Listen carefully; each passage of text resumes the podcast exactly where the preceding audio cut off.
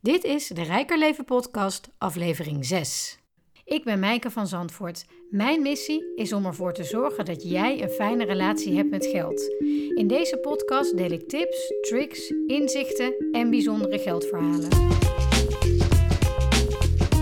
Hoi, leuk dat je luistert naar een nieuwe aflevering van de Rijker Leven Podcast. Vandaag wil ik je drie tips meegeven die je helpen bij het bepalen van je uurtarief.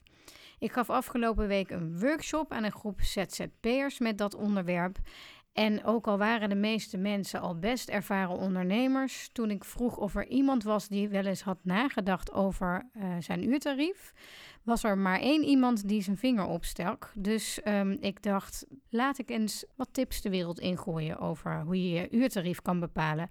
En dan niet het rekensommetje, hoe verdien ik genoeg om een lekker leven van te leiden, want dat is een kwestie van rekenen.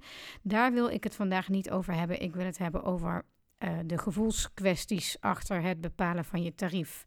Wat ik vaak zie is, met name bij vrouwen, uh, is dat um, uh, sommige mensen um, de waarde van de dienst die ze leveren verwarren met wat ze zichzelf waard vinden. Ze koppelen hun waarde aan het gevoel voor eigenwaarde. En dat is echt complete bullshit, want de hoogte van het bedrag dat je vraagt heeft niks te maken met jouw waarde. Als mens ben je onbetaalbaar en uh, de koppeling tussen jouw waarde als mens en de waarde van jouw product of dienst moet je gewoon niet maken. Wat wel belangrijk is, is welk resultaat jouw product of dienst oplevert voor jouw klant. Daar betaalt je klant voor. En dat is een heel ander soort waarde. En als je die levert voor een klant, dan zal het hem of haar niet zoveel interesseren wat hij daar precies voor moet neertellen. Dus op het moment dat je twijfelt aan, oh ben ik het wel waard om dit bedrag te vragen? Dan um, is een uh, tip om te gaan kijken van wat levert uh, mijn product of dienst nou op bij mijn klant. En dan zul je zien dat je waarde veel groter is dan je denkt. Ik geef als voorbeeld vaker het voorbeeld van uh, mijn zangles.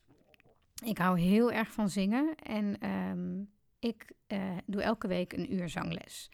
En dat uurtje in de week is voor mij super belangrijk, want ik geniet heel erg van zingen en van in het moment zijn. En ik fiets daarom altijd fluitend en totaal ontspannen naar huis na een les.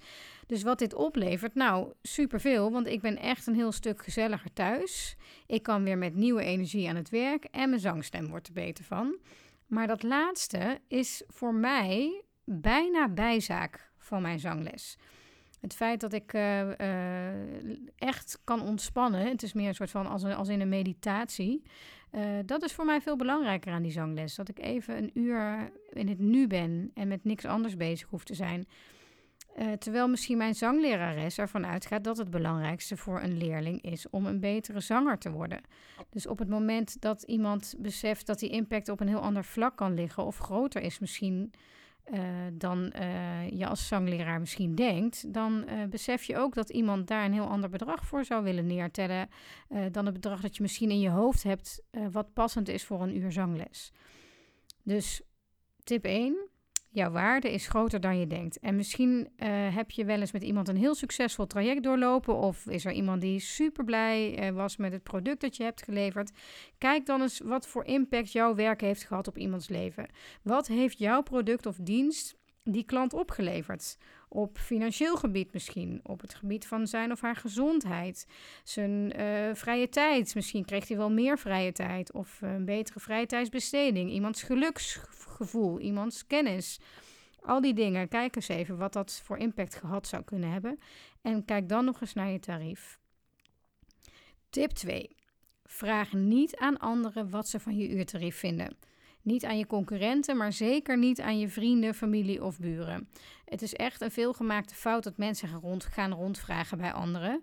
Wat moet ik vragen voor mijn product? Wat zal ik eens uh, vragen voor deze dienst? Wat je moet beseffen is dat iemand uh, op jouw vraag reageert met alle geldovertuigingen of geldblokkades die iemand zelf heeft. Die krijg je er gewoon helemaal gratis bij in iemands antwoord. Dus Iedereen heeft zijn eigen geldverhaal en zijn bijbehorende overtuigingen. En op het moment dat jij dus iemand vraagt naar zijn mening over je tarief, dan neemt diegene in zijn antwoord zijn hele achtergrond mee en zijn hele eigen geldverhaal. Want je weet helemaal niet hoe iemand zich voelt over geld of wat hij denkt bij geld. Misschien vraag jij 95 euro per uur en vindt die ander dat een heel erg uh, hoog bedrag omdat hij is opgegroeid in een gezin waar elk dubbeltje moest worden omgedraaid.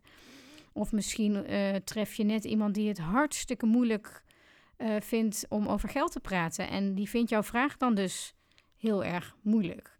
En als je het aan je buurman vraagt, dan is de kans ook best wel groot dat hij niet je klant is. Dus hoe kan hij überhaupt bekijken of het een geschikt bedrag is? Want hij heeft geen probleem met datgene waarvoor jij een oplossing biedt. En zo gaat het eigenlijk. Het geldt ook bij rondvragen binnen je sector. Hè? Bij kijken bij concurrenten en kijken wat de geldende norm is uh, uh, voor binnen jouw vakgebied voor een uurtarief.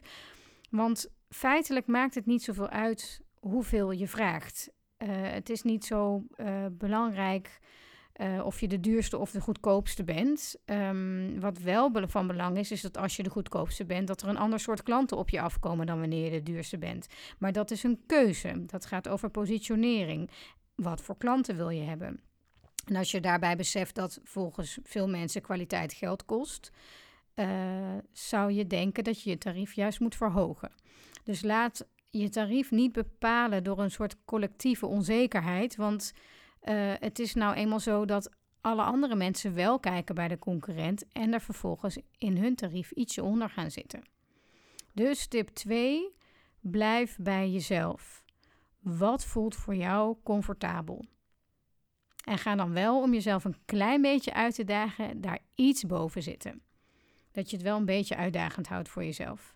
En weet ook uh, je uurtarief hoef je niet je hele leven te blijven vragen. Het is, staat jou helemaal vrij om over bij wijze van spreken drie maanden je tarieven te verhogen, te verlagen, uh, te veranderen. Het is jouw bedrijf, dus jij bepaalt dat. Dus laat je wat dat betreft ook niet tegenhouden door wat andere mensen denken. Tip 3. Denk nooit, mijn klant kan mij niet betalen.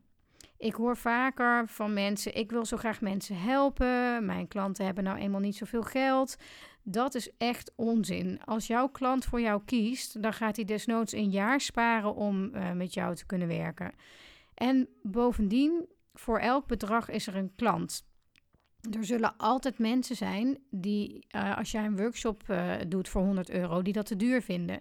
En er zullen ook altijd mensen zijn die als um, jij voor exact dezelfde workshop 1000 euro vraagt, denken: poeh, wat krijg ik veel waarde voor dit bedrag. Dus wat er ook gebeurt, wat je ook vraagt, er is altijd iemand die het te veel vindt. En er is ook altijd iemand die denkt: wauw, wat krijg ik veel voor dit bedrag. Een klant kijkt altijd wat haal ik er voor mezelf uit. En dat is gewoon iets heel persoonlijks. En wat het diegene waard is, dat is aan die klant en niet aan jou. Dus dat is de laatste tip. Kijk niet naar wat iemand kan betalen, maar kijk naar wat iemand ervoor over heeft om een resultaat te bereiken met wat jij kan bieden. Nou, dat waren mijn drie tips. Mochten er nu dingen zijn waar je meer over wilt horen in deze podcast, laat het me dan even weten via mijke.rijkerleven.nl. En wil je op de hoogte blijven van nieuwe afleveringen, abonneer je dan even via iTunes.